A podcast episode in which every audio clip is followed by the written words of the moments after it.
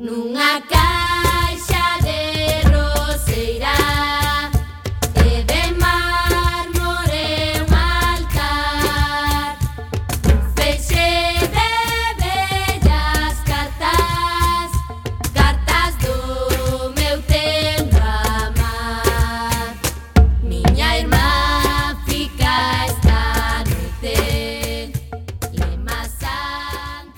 Ola, que tal, recendeiras e recendeiros? Benvidas e benvidos a este espacio radiofónico semanal dedicado á cultura que facemos en riguroso directo todos os martes ás 7 da tarde aquí en Coac FM no 103.4, a Radio Comunitaria da Coruña.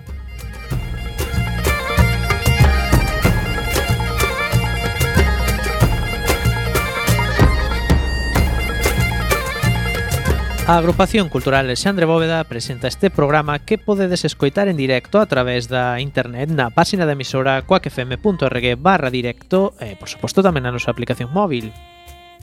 E se non chegastes a tempo, non tes excusa, compañeira. Podes descargar todos os programas xa emitidos en Radioco o megapodcast da nosa emisora ou tamén podes escoitalo na redifusión, que será os mércores ás 8 da mañá, os venres ás 16 horas e na madrugada do domingo ao luz ás 12 da noite. E a partir de agora, seguídenos tamén nas nosas redes sociais, tanto deste programa Recendo como da propia agrupación cultural Alexandre Bóveda, que teñen as súas portas abertas, as súas canles abertas e as portas tamén, obviamente, en Instagram, Twitter e Facebook ou na web a calexandrebóveda.gal.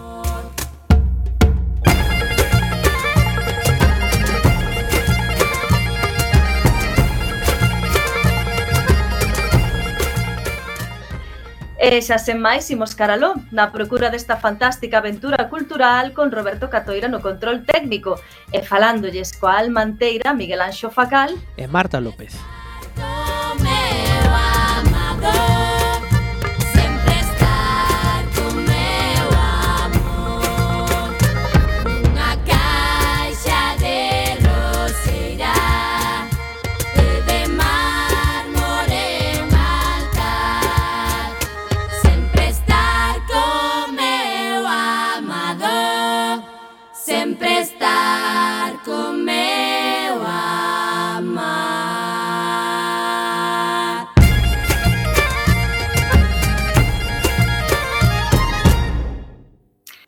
Chegamos ao programa número 419. Hoxe teremos como a convidada a María Dolores Fernández Caliño, valedora do Pobo. Falaremos das actividades da nosa agrupación e das outras cousas que se fan na Coruña e na Galiza e que tamén son cultura. O venres pasado visitounos Carlos Núñez, como fai sempre nestas eh, festas dende hai varios anos. Encheu o Teatro Colón e algúns colegas desta emisora que tiveron a sorte de asistir dixéronnos que pois, pues, é un grande espectáculo. Agora está facendo un espectáculo con bandas sonoras relacionadas co mar.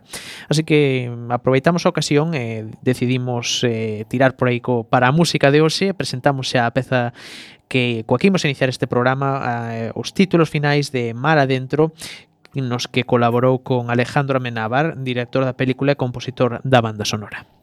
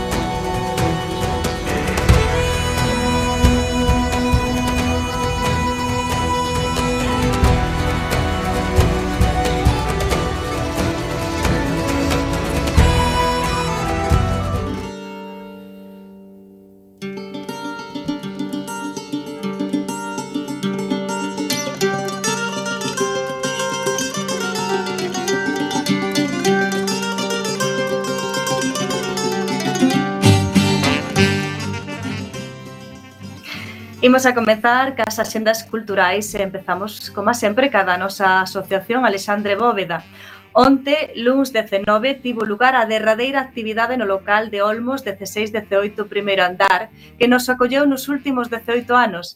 Elena Miguélez Carballeira ofreceunos unha palestra na que se analizaron as ideoloxías da nación implícitas no debate sobre a España vacía, argumentando que a visión xeocultural que promove, baseada na idea dun territorio español marcado principalmente por tensións urbano-rurais, actúa como un dos novos imaginarios do consenso estatal. Como xa anunciamos nas últimas semanas, eh, desde o mes de xaneiro de 2023 estaremos no Circo de Artesáns na Rúa Santo André número 36, no primeiro andar. No novo espazo que ocuparemos de debemos, xa sabe, de realizar algunha pequena obra de acondicionamento polo que xa vos iremos informando cando podemos inaugurar un novo local. Estade moi atentos á nosa páxina web e ás nosas redes.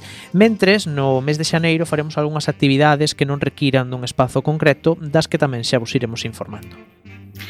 E para despedirnos do local que estamos abandonando, aínda tedes uns días para ver a exposición Menstruart, unha serie de cadros sobre arte menstrual abstracto, expresións artísticas e menstruación está relacionado co punto vermello, que é un espazo seguro de encontro, información e reivindicación sobre a saúde menstrual das mulleres. É unha iniciativa creada polas mulleres participantes do programa Círculo de Mulleres, Malaicas da Fundación Juan Soñador.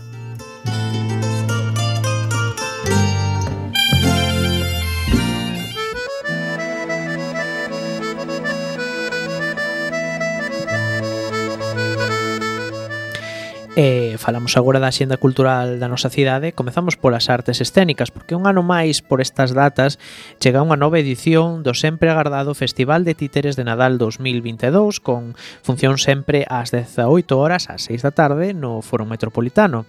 O Benres 23 podedes ver a ratiña presumida de Tropos Teatro de Títeres, o lunes 26 a Mona Simona de O Sorriso do Lagarto, o martes 27 Saga de Flynn Harvard, do Teatro Marionetas Trécola no mércores 28 Chi Chulina e o Rei Señor da China de Acánica Teatro e o xoves 29 Huela Huela de Galington, Galitón. Outra visita que nos dará moitas alegrías este Nadal é a da magnífica compañía de teatro compostelá Chévere, que ten varias efemérides que lembrar, con función sempre ás 20.30 horas no Teatro Rosalía de Castro. O, merc o mércores 28, Nevermore, nos anos 20, nos 20 anos do fundimento do Prestige, perdón. O xoves 29 curva a España no 35 aniversario da compañía Chévere. Eh, chega á cidade unha nova edición de Galtú cun soño de Nadal, o espectáculo de novo circo do novo circo da compañía Festa Escénica. Entre o mércores 28 e o venres 30 verá un total de cinco funcións, incluso algunha pola mañá, no Teatro Colón. E tampouco está nada mal a xenda musical. Algúnas das propostas son máis puntuais, pero outras seguro que vos soarán desta mesma época en anos anteriores.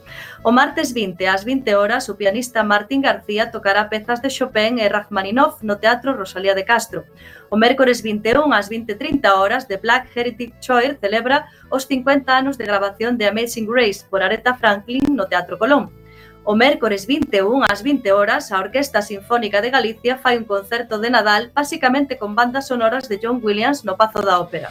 O xoves 22 ás 8 e media Abraham Cupeiro e a Orquesta Gaos lembra ao continente Pansia no Teatro Colón. O xoves 22 ás 9 o ballet clásico de Ucraína representa o ballet O Crevanoces no Pazo da Ópera. O mércores 28 ás 9 a Strauss Festival Orquesta fai o seu típico concerto de Aninovo no Pazo da Ópera. E o xoves 29 ás 7 a Hollywood Symphony Orchestra fai o seu típico concerto con música de cine tocando pezas de John Williams e Hans Zimmer no Pazo da Ópera. E rematamos con dúas exposicións que poden visitarse na Fundación Luis Seoane. Pecharán a comezos de 2023, así que avisamos xa agora. O Desengano é un proxecto visual baseado nunha serie de actividades expositivas e editoriais ao redor do traballo que o fotógrafo Xulián Barón realizou sobre o desastre do Prestige en decembro do 2002 e tres mulleres magnum, Eve Arnold, Luz Morant e Cristina García, Inge Morat, perdón, e Cristina García Rodero. Trae unha selección de 60 imaxes de tres das fotógrafas máis destacadas na historia da famosa axencia fotográfica.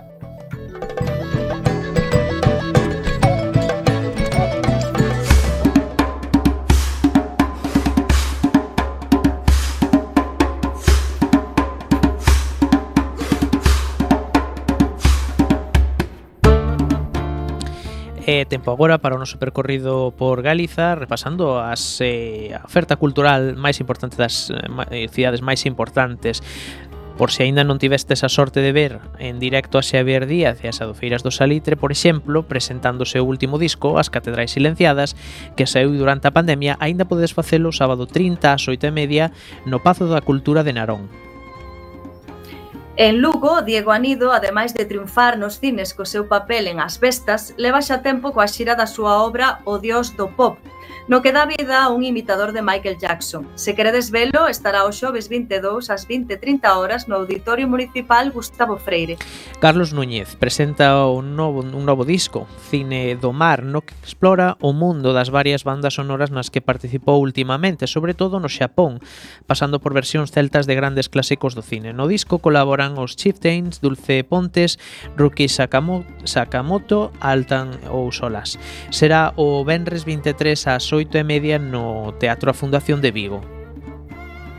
En Pontevedra chega a sexta edición de Galicia Magic Fest, organizado polo mago galego Pedro Volta, e que trae a nosa terra a algúns dos mellores magos do mundo. Entre o lunes 26 e o mércores 28 haberá catro sesións na sede de A Fundación. Morgan é unha banda afincada en Madrid que naceu en 2012 e está formada actualmente por Carolina de Juan, Paco López, Caín Alorza e David Schustels. Sacaron xa un par de discos e actúan os xoves 29 ás 8 e media na Sala Capitol de Santiago de Compostela. E imos a Orense, a nena que vivía nunha caixa de mistos. É a nova proposta de Caramuxo Teatro e está inspirada no conto A vendedora de mistos, de Hans Christian Andersen. É a terceira parte da triloxía sobre os contos populares, que comezou con As fabas máxicas e continuou con Fe, Feo, actúan o mércores 28 no Teatro Principal con sesións ás 12 e ás 6 da tarde. E hoxe con Movila convidada imos a Cangas do Morrazo. Xa se achega a xira de recortes, caneos e outras formas de driblar o espectáculo teatral do Centro Dramático Galego e a Iné Producións con Touriñán e outros grandes do Teatro Galego falando de fútbol. Actúan o Benres 23 no Auditorio Municipal de Cangas con sesións ás 8 e ás 11.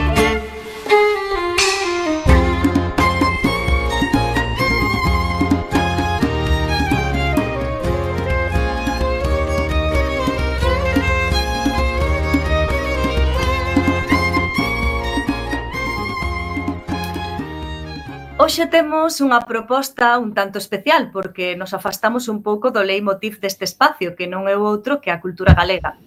Porén, facémolo por un bo motivo, pois imos dedicarlo a unha das figuras das institucións galegas seguramente menos coñecidas. A figura da que estamos a falar non é outra que a valedora do povo, aínda que a súa figura ben recollida no propio Estatuto de Autonomía e que a lei que regula a súa elección data do ano 84, non foi ata o ano 90 que foi escollido o primeiro valedor do povo, que foi José Cora Rodríguez. A Valedora do Pobo funciona como unha alta comisionada do Parlamento Galego, cuxas principais funcións é velar polo cumprimento dos dereitos humanos e civis de todos os galegos, do mesmo xeito que supervisa as actuacións da Administración Pública.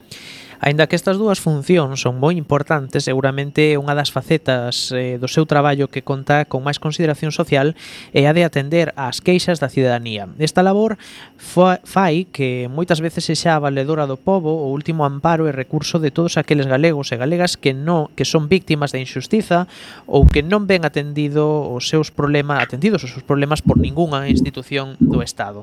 Do mesmo xeito realiza funcións de consultora para o órgano legislativo eh, cando así é requerida, función que tamén realiza para calquera outro órgano ou institución que yo reclame. Tamén realiza unha, un, un informe anual que a modo de memoria recolle cales son os principais problemas que afectan aos galegos e galegas no exercicio dos seus dereitos Así mesmo, é o garante da transparencia da actuación das diferentes institucións galegas.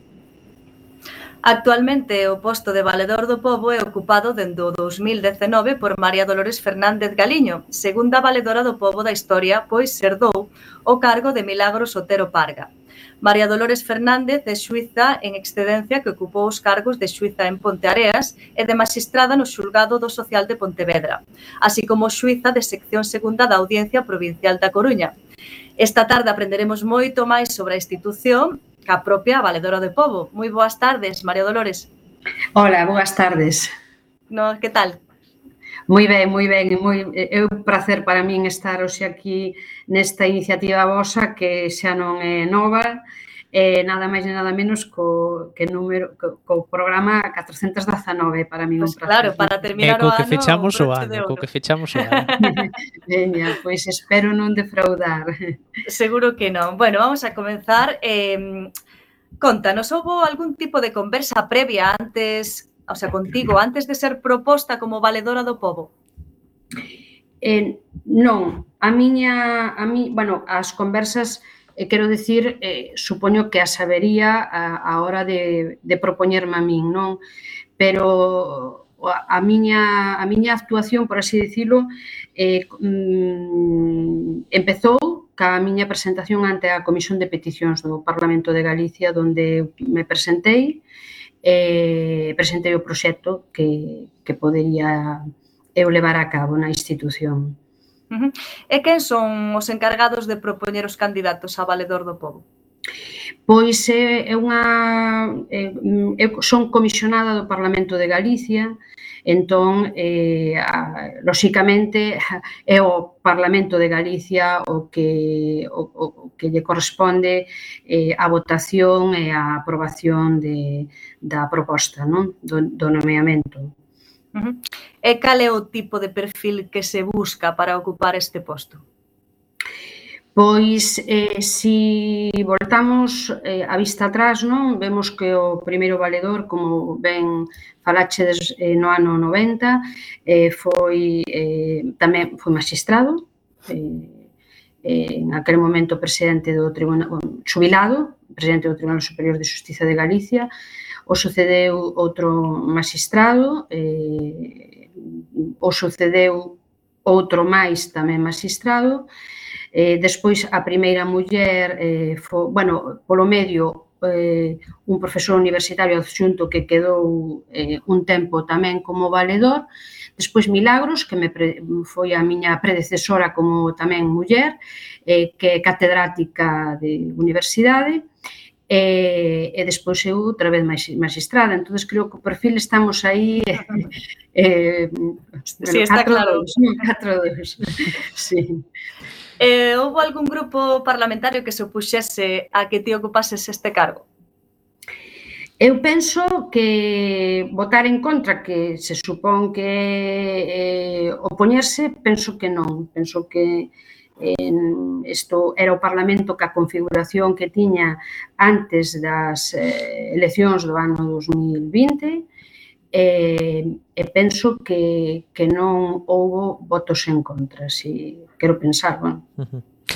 Um, María Dolores, antes eh, fora de micros eh, dixemos que na introdución igual incidíamos nalgúna das funcións de, da valedora do povo que non é totalmente exacto entón eu agora iba a preguntarche cal dirías que é a túa función principal como valedora do povo así que se a podes contestarme isto e eh, así tamén aclaramos un pouco a que se dedica a valedora do povo exactamente E, pois, eh, sin, sin dúbida, a función principal é a, a, mm, a resolver eh, as queixas que plantexa a, as persoas eh, que plantexan respecto de o funcionamento das administracións públicas no ámbito da comunidade autónoma e eh, eu, eu penso que esa é a nosa función, con un enfoque de dereitos humanos, como xa ben dixéchedes eh, na introdución, eh, entón é unha promoción e unha defensa de dereitos humanos que, que se centra eh, na, na súa maior parte en resolver esas queixas, esas peticións eh, da, da cidadanía. Uh -huh. Entón, digamos que como, igual como anunciamos na, na presentación, esa, a, a función esa de, de, de igual ser unha pouco de consultora de outros organismos da, da xunta, ou, ou eh, sí, da, da xunta non, non é tanto unha función principal da, do organismo. Vamos a ver, eh, a Xunta ten un, órgano consultivo que é o Consello Consultivo de Galicia, que como vens, como seu nome indica, non eh, ese, eh, ten esa, esa autoritas e esa potestas de, da, da, da función consultora, non? Uh -huh. eh, pero eh, nós, eh, como volvo a decir, eu podo ser eh, pois convocada por as comisións parlamentarias e, de feito, eh, antes da pandemia, creo que foi eh, no mes de xaneiro do ano 2020, me convocaron eh, na comisión sobre discapacidade, non? e podo ser convocada eh, a eses efectos e tamén logo no ámbito da transparencia por mor de, da lei do ano 2016 de transparencia e bo goberno de Galicia, pois tamén podemos recibir eh, solicitudes de, de información ou de consulta eh, dos eh, propios suxetos dentro do ámbito da Lei da Transparencia de Galicia. Non? Pero volvo a insistir que eh, a función consultora a, a ten eh, especificamente establecida o Consello Consultivo de, de Galicia. Perfecto, pois aclarado aí a, bueno, ao, ao que se dedica a Valedora do Pobo, non? E, e esa función principal que, que ti nos comentas que é a de atender ás queixas do, das, dos cidadás e das cidadás, non? Eh, e pregúntoche así por números agora, cantas queixas recibe a oficina da Valedora do Pobo pois ao longo dun ano? Agora que estamos fechando un ano, por certo. Pois agora que estamos mm, fechando eh, o ano eh, este ano, creo que estamos eh, superaremos eh, as eh, máis de 4.400, eh, 500, eh, por aí andamos, eh, pero, pero teño que destacar mm, que son queixas eh, asuntos máis que queixas, porque moitas veces as queixas son colectivas e veñen sus que entonces vamos ao que é o asunto propiamente, non? E, e bueno, o que teño que dicir é que o incremento é, é incesante, non? Teño aquí os datos por decir e non aburrir. No ano 2020 foron 2000, 2.912, no 2020 primeiro ano da pandemia. Uh -huh. Xa eh, eh, xa veíamos un incremento eh moi moi importante respecto do ano anterior. No ano 2021 foron 3.936, é dicir, 1.000 máis. E no ano 2022 estamos xa por as 4.500, quero dicir que é un incremento eh, que pensamos nun primeiro momento que iba a ser eh, por mor da pandemia, pero estamos empezando a, a decatarnos que igual é un é algo casi casi xa estructural, non? Porque tamén hai que decir que os cambios ca pandemia, pois moitos deles tamén están quedando neste momento como estructurales, non? eh, eh, este, este incremento a que credes que é debido? Quero decir, eh, hai máis eh, asuntos que a xente se ten que, que ou que a xente dos que a xente precisa axuda, dos que a xente se ten que queixar ou é que a xente coñece eh, é consciente de que ten este, bueno, este organismo que pode dirixirse? Eh, eu penso que, que é un, unha mestura de todo o que estás ti falando, non? Eh, probablemente probablemente tamén eh, por, por mor de, do, do propio incremento da propia actividade da institución que está xenerando ah, máis incremento, non? Porque este incremento de asuntos eh, eh, eh, vai paralelo ao incremento das eh, recomendacións que nós estamos facendo ás administracións, non? Que aí tamén o incremento mm, é, é moi moi eh, moi importante, non? Por este ano vamos a estar superando as eh, 450 eh, resolucións e, mm, eh, bueno, creo, creo recordar, a ver se si topara mm, os datos, bueno, despois por, os vou a buscar, pero quero dicir mm, que para que nos demos unha idea, no ano 2019, antes da pandemia, estábamos, non chegábamos a 100 en 90 e pico, non?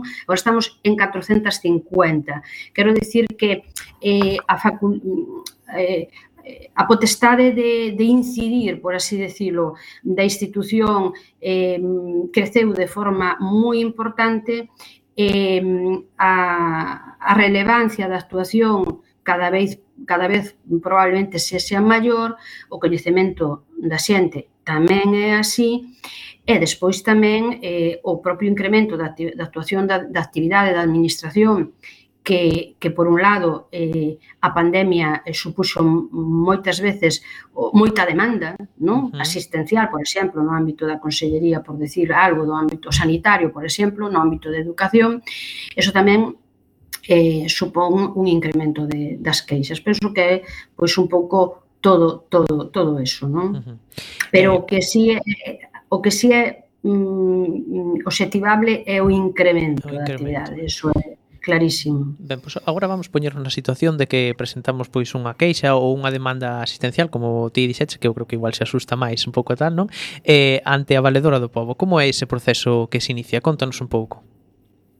Pois o proceso eh, hai que dicir que sobre todo o que é informal eh, o que se trata é de que a xente eh, poda acceder á institución e que a xente poda presentar a súa queixa. Polo tanto, eh, a partir de aí nós empezamos unha investigación, bueno, primeiro é eh, valorar a admisión a trámite da queixa, tamén temos que decir que eh, o nivel de admisións eh, supera o 90%, o 95, bueno, pero xa por non decir, mm, por, por non entrar, pero supera o 90%, é un nivel moi, moi elevado, se recitan moi poucas queixas, e Eh, a partir desde aí, pois, eh, desa primeira e inicial valoración e clasificación da queixa na área eh, que lle corresponda, pois eh, pedimos informe á administración ou ás administracións eh, competentes e responsables e E despois, a partir de aí, pois, se fai unha valoración de novo, se mira se se amplía ou non amplía a, a, a investigación, e se procede concluíla eh, ben eh, por considerar que se está satisfeito o dereito da persoa que moitas veces no trámite pois termina eh, habendo unha conclusión positiva antes de que nós teñamos que chegar a unha recomendación ou ben facer unha recomendación ou ben, despois da valoración, concluir que eh, no, a actuación da administración foi foi correcta. Uh -huh. E, bueno, por terminar así un pouco co tema de números de queixas, que temos así un pouco de curiosidade, non sei se tendes datos, igual non tendes, pero eh, somos en Galicia moito de queixarnos ou estamos así un pouco a nivel de outras comunidades autónomas? Eh, claro, eh, para, para valorar a, a, a, a actuación de, das outras comunidades autónomas mm, mm, teríamos que ter eh, un sistema estadístico de cómputo que eh, igual, non? E, e penso que non o hai, penso que non.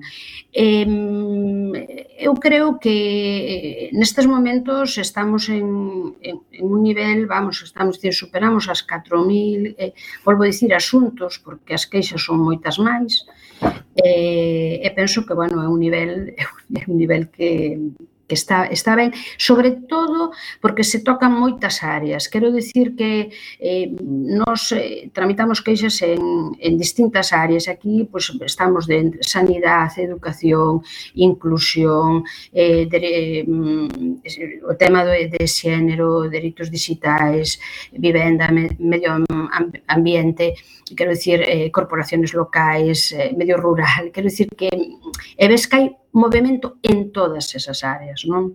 Uh -huh. Entonces creo que, bueno, penso que queixarse forma parte do exercicio dos dereitos, penso que forma parte tamén da, da, da, da cultura democrática, non? da, da conciencia do teu dereito e, e tamén, por que non, eh, da, da, da, do funcionamento dos mecanismos de supervisión e, e, e da relación ca propia administración. Penso que é bo. E penso que non estamos eh, non nunha situación... Non, non es... Sí, penso que estamos, en ese sentido, ben. Sempre podemos ir a máis, evidentemente, pero ben. Uh -huh. Eh, Mario Dolores, todas as comunidades autónomas contan ca, ca figura do valedor do Pobo? Non, non, eh, pois aquí nestes momentos só temos as tres nacionalidades históricas, ou sea, eh, Galicia, País Vasco, Cataluña, e despois está eh, a Comunidade Valenciana, Canarias, Andalucía, a, a Comunidade mm, de, o Procurador de Común, que está en Castela León, Castilla, e, eh, mm, eh, non, non me que, eh, é, é eh, Andalucía. Comunidade Autónoma de Andalucía e despois está o estatal. Uh -huh. eh, tedes contacto co, con eses valedores do povo a nivel autonómico? Sí, sí, sí, sí, sí. temos contacto tanto co, co, co defensor a nivel estatal, co Ángel Gabilondo, eh, bueno, vimos de reunirnos, eh, é certo que, que de, de, desde a pandemia a reunión presencial esta foi a, a primeira, non? desde o ano 2019, pero sí que todos os anos pois eh, procuramos ter unha reunión eh, con, con, con, con reunións preparatorias previas eh, sobre un tema específico que se elixe. Non? O do ano este pois, foi eh, o tema de a sanidade no medio rural. Uh -huh. Eh, falando outra vez de queixas, non? que xa antes apuntache que son moitas, moi variadas, moitas áreas, sí. pero as máis frecuentes, se se pode de alguma maneira, non? Eh, cuáles serían as mm. queixas máis frecuentes que recibides por parte dos cidadáns? As áreas que teñen máis actividade mm, pois coinciden mm, cos servicios públicos máis demandados, probablemente, non? Entón, eh, o servicio público máis demandado, un, probablemente, por, por a cobertura universal, porque a demanda a toda a población desde que nace hasta que morre é sanidade, non? Uh -huh. Entón, e, e, e logo, para, col, para colmo, por decirlo de algún xeito, a crisis da pandemia foi, en primeiro lugar, unha crisis sanitaria, entón estamos no, no ámbito da sanidade, non? Educación, eh, inclusión social, eh, son áreas moi, moi con, con moito movimento e despois tamén eh, temos áreas como corporacións locais, o, o, sea, o, o tema da administración local, eh, tamén con moito movimento porque temos en, en Galicia pois, eh, eh, moito concello, non? Eh, tamén hai moito movimento nese tema. Eh, despois tamén hai áreas, eh, a área de emprego público eh, probablemente claro, queda máis limitada, pois, lóxicamente, como o nome indica, o ámbito dun emprego público, pero tamén é unha área moi, moi...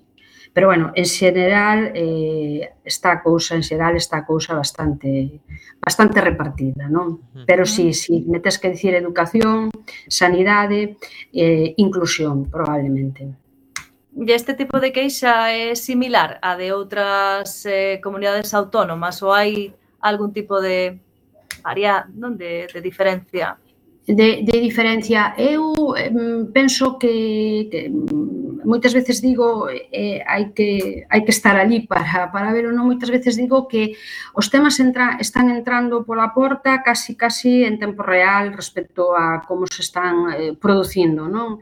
É unha institución eh, en ese sentido eh, moi moi viva, non?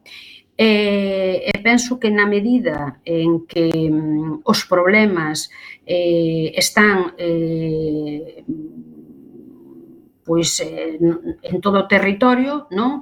Pois penso que en, en ese sentido pode ser que eh, e despois claro, pode ser que como que as queixas máis ou menos poidan ir eh, parecéndose, pero tamén logo nós temos o tema da, da lingua evidentemente esa eh, a promoción de, de, dos dereitos lingüísticos eh, esa é unha área que evidentemente é específica de nosa, non? porque temos unha lengua propia e tamén é unha área que ten, pois non a estaba mencionando na, nas áreas significativas, pero penso que o ano pasado superamos as 200 queixas nesa área, non? Que non que esa, pois, evidentemente, esa específica nosa, non? Mm que é sorprendente, uh -huh. sí. Pois, eh, María Dolores, imos facer unha pequeniña pausa nesta conversa tan interesante que temos contigo E eh, e despois a volta continuamos falando. E agora imos escoitar Home da Terra de Carlos Núñez.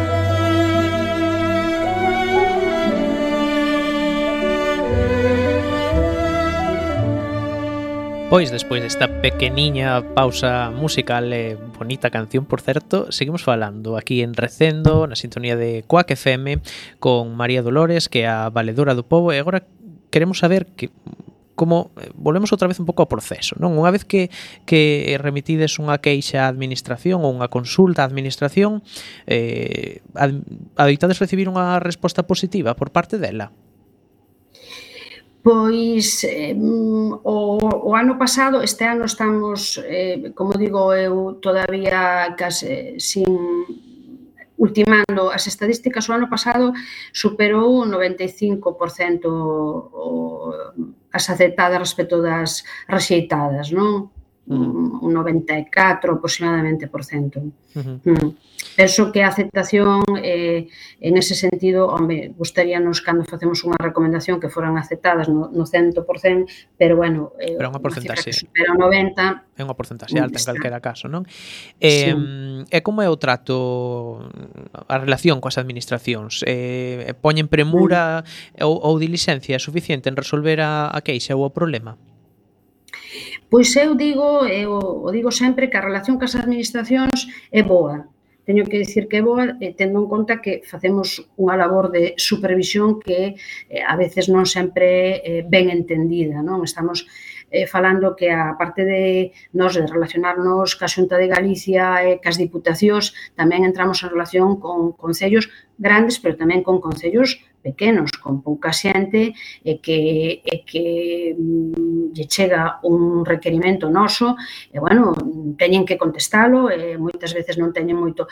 Penso que mm, a relación é boa, como mm, penso que que iso tamén está dentro do que eh, da función que nós temos de, de contribuir ao fortalecemento das propias institucións e penso que un, unha boa eh, eh, relación entre nós cas as administracións, eh, penso que desde ese punto de vista eh, vai a ser máis satisfactoria para o propio cidadán, para, para o queixante, eh, e penso que tamén vai a fortalecer as relacións e o entendimento institucional. Uh -huh.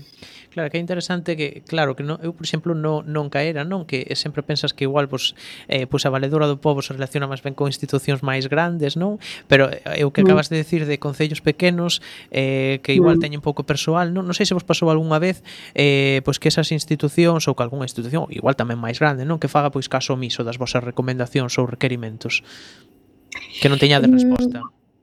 Hombre, eh, a veces hai que a veces hai que insistir, non? A veces temos que re, insistir que quere dicir reiterar a solicitude de colaboración e de informe. Pero volvo a decir que sempre o facemos desde un punto de vista de, de unha colaboración en, en positivo, non non non de un xeito imperativo ou de confrontación, non?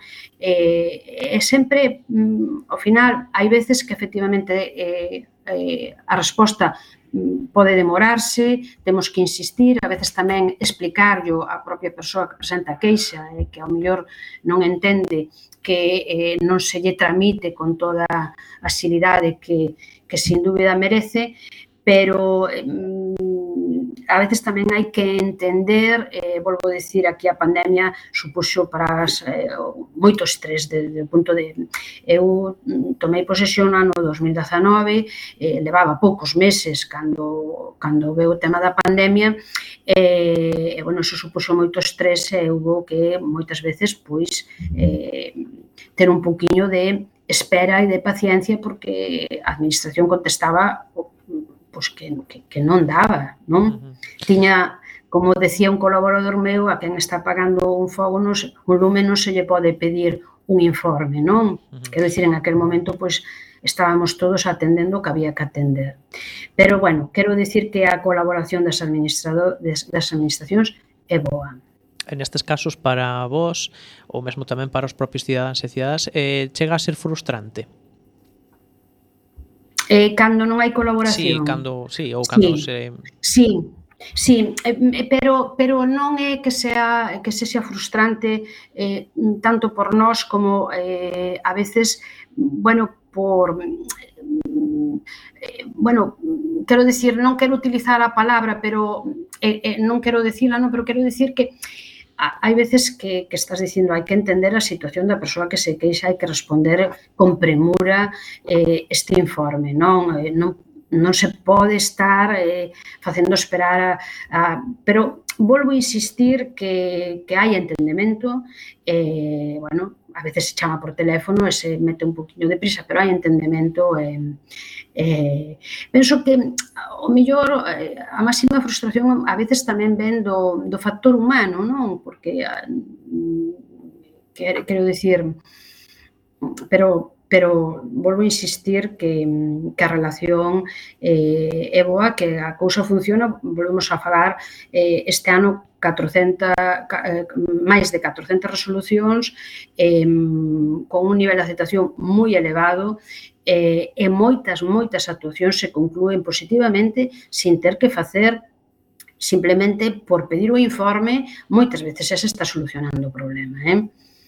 Uh -huh eh, crees que a ciudadanía confía o suficiente no valedor do povo? Bueno, o millor non sou un, eu a persoa que teño que non que responder a esa pregunta, non? Eh, a mí me dis, me gust, gustaría que confiara na institución Claro, claro que me gustaría que confiara e que confíe. Bueno, eu penso que a xente que acude á institución depositanos un voto de confianza eh, e eh, o que nos eh, damos é o compromiso de poñer todo o noso coñecemento e toda a nosa capacidade de traballo eh, en función de resolver a, o problema e de resolver a cuestión. E penso que a confianza eh, nin, nin é instantánea, non? nin eh, nin é inmotivada, por así dicirlo, penso que hai que traballar e traballar arreo e, e creo que eso pois, ten que ter os, os seus frutos, froitos, non? Existe algún tipo de mecanismo establecido para facer presión naquelas administracións máis problemáticas, digamos? Máis que presión, a min gusta a palabra persuasión, non? Eh, máis que presionar, nos eh, temos que persuadir, non? De que, eh, bueno, mecanismos, claro, que os temos, e que incluso a falta de colaboración das administracións está tipificada como, como delito, non? Eh, o non responder o, a, a a, o requerimento de informe por parte de, da valedora pois mm, chega a ter ese, esa relevancia de falta, da, da falta de colaboración, non? E ata chegar aí, pois temos eh, esa, esa posibilidade pois, de comunicar o feito ao superior xerárquico, a declaración de hostilidade, con todo o que lo supón, pero teño que decir que desde que eu cheguei, mm, eh, e penso que incluso desde antes, eh, desde que eu cheguei ningunha declaración de hostilidade, penso que antes moi excepcional tamén. Eh? Mm. Eh, cales dirías que son as institucións máis proclives a non cumprir cos ciudadáns? eh, non, penso que non se pode falar de institucións, penso que se pode falar o mellor de unha situación en concreto eh, eh e, eh, eh, tampouco creo con todo no informe eh, no informe que nos facemos todos os anos o Parlamento eh, veñen eh, as institucións as que houve que recordarlle o, le, o deber legal de colaborar, non? que é un pouco o trámite dice, bueno, estamos solicitando informe, non o mandades, estamos entón entón chegou un momento que dixemos, bueno, recordamos o deber legal de colaboración. Eh, E penso que tamén, eh, facendo un pouco o análisis, penso que ano a ano es, es, ese número probablemente, eh, desde logo non aumente, eh? probablemente incluso eh, eh, sea, sea, se vaya reducindo, non? Pouco a pouco. Uh -huh. Entón, mm, non é, non hai unha, unha institución, por así dicirlo, rebelde ou incumplidora. Non hai. Uh -huh. eh, tedes a facultade de investigar de oficio os erros das administracións, pero cales son sí. os recursos cos que contades para chegar a ter coñecemento destes erros? Eh, temos a facultade de investigar do oficio e eh, eh, utilizamos moito eh, eh, as noticias dos, dos medios de comunicación. Eh, por exemplo, eh, en temas ao mellor de desafiuzamentos ou en temas de, de morte en soledade, en, de persoas que morren soas, eh, que tal. Eh, moito medio de comunicación, un tema de accesibilidade que se, que se recolle nun medio de comunicación. Eh, e despois tamén a veces eh, a propia non se poden presentar queixas por, por medio telefónico, pero a veces a xente chama, non lle podemos tomar queixa, pero tomamos eh, coñecemento do que nos están dando, eso pode supoñer tamén unha fonte de información, e despois a, o propio actuar da propia institución, por exemplo, que están poñendo de, manif de manifesto, por exemplo, a última que creo que aperturamos, o, eh, mm, pois un tema de, do AMI amianto nos, eh, nos eh, tubos de, de abastecemento da agua e o mellor tomamos coñecemento de que esa situación se pode estar dando nun, nun concello e, a, e decidimos iniciar cas diputacións para ver pois, que, que axudas eh, se están proporcionando, que medidas están proporcionando para axudar aos pequenos concellos. Eh, esas son as nosas fontes de, de para iniciar investigacións do oficio, non? que tamén eh, tamén se, eh, tamén se, se van incrementando Uh -huh. ano a ano eh, as, as investigacións do oficio. Ano pasado, pois, penso que superamos as 100 investigacións do oficio. Hmm. O que non sabemos é se incrementa o orzamento. Contades co orzamento, recursos e o persoal suficiente para realizar en condicións o vosso traballo? Vamos a ver, eu, como digo, eu veño dunha administración austera. A Administración de Justiza é unha administración moi austera en, en bueno, que tamén aí as cousas foron mudando, pero eu empecei, aprovei na década dos 80, a finales, eso cambiou moito, non? Pero pero eh, quero dicir que non bueno, e nos queixarnos eh, nos Mm, somos un corpo estatal e, e queixarte non, non daba demasiado resultado. entonces non estou acostumbrada, por así dicilo, a, a queixarme de, da falta de, de, de medios. Eh, penso que o presuposto mm, non se incrementa máis que o que corresponde as, os incrementos eh, os, dos salarios, non? Uh -huh. eh, eh, penso que, que o presuposto é suficiente. En canto a, a xente, bueno, somos en total 21 persoas, eh, tanto estando incluída a Xunta máis eu, uh -huh eh, o nivel de actuación de, de actividade eh, é intenso. É elevado. É intenso. Xusto, iba, sí. iba a preguntar tamén se si o, o traballo das persoas funcionarias eh, é especial que, que traballen para, para a Valedora do Povo é especialmente complexo, por exemplo, comparado con outras eh, con outros servizos aos que poden ser destinados. Mm, por exemplo, é tamén ter que relacionarse porque... con outras administracións é, é diferente, é diferente. Creo que creo que en primeiro lugar tes que ter eh, eh unha sensibilidade, unha vocación de servicio público importante, porque nós nos debemos, bueno, todo o servicio público se debe a xente, eso, eso é así, pero mm, nós eh, eh creo que en, en maior medida, non? Eh, eh, a xente que traballa ali ten que ter esa vocación de servicio público, eh, eh, e a ten, ademais teño que decilo, pero pero traballo é unha constante que traballo hai, traballo hai, sí, sí, sí. Pero, eh, ese sentido, máis máis persoal, pois pues non... Non viría mal. Estaría ben, estaría ben, pero vamos. Sí. En canto a vosa función consultora de asesoramento, en que casos son, son requeridos? Eh, bueno, a xente acude a institución, eh, antes eh, o, o falábamos, a, a xente acude a institución, en primeiro lugar, como digo, eh, para queixarse, pero uh -huh. hai moita xente que demanda atención eh, a máis das queixas, non? Eh, quería dar o dato, o dato, pero bueno, mm, como digo, mira, eh, pois eso, no ano 2020 8.807 persoas acudiron tanto telefónicamente como presencial como por eh, como, o mellor por correo electrónico pedindo atención ao asesoramento eh, ao marxe das queixas eh, a marxe das queixas 8.807 persoas. Uh -huh. E estes informes son vinculantes ou simplemente son atendidos en máis? Eh, vinculante enténdese de obrigado cumplimento. Sí Non, non, non, non é, en ese sentido non é de obrigado cumplimento, non. Vale, entón, moita xente se preguntará, claro. Eh, pero claro, que se entende, si me dis que cando facemos nos unha recomendación, uh -huh. eh, administración acepta, administración pode aceptala ou non aceptala. Sí. Eh, eso é un acto eh, libre dela, nos nos comunica eh, de xeito motivado que acepta ou non acepta, nos eso eh, o vamos a levar sempre o informe, eso hai total transparencia, o informe anual presentamos tanto eh, as recomendacións que se fan como as que se aceptan ou non aceptan. Pero volvo a dicir que o nivel de aceptación é moi é elevado respecto a, a que se receita, Sí.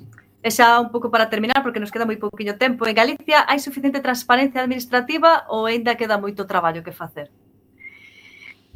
Mm, volvemos, bueno, este ano mm, tivemos hoxe precisamente a, a derradeira reunión de transparencia eh, estaba, estábamos falando de que, de que tamén o nivel de reclamacións en materia de transparencia penso que tamén superamos os 200 eh, é importante, non?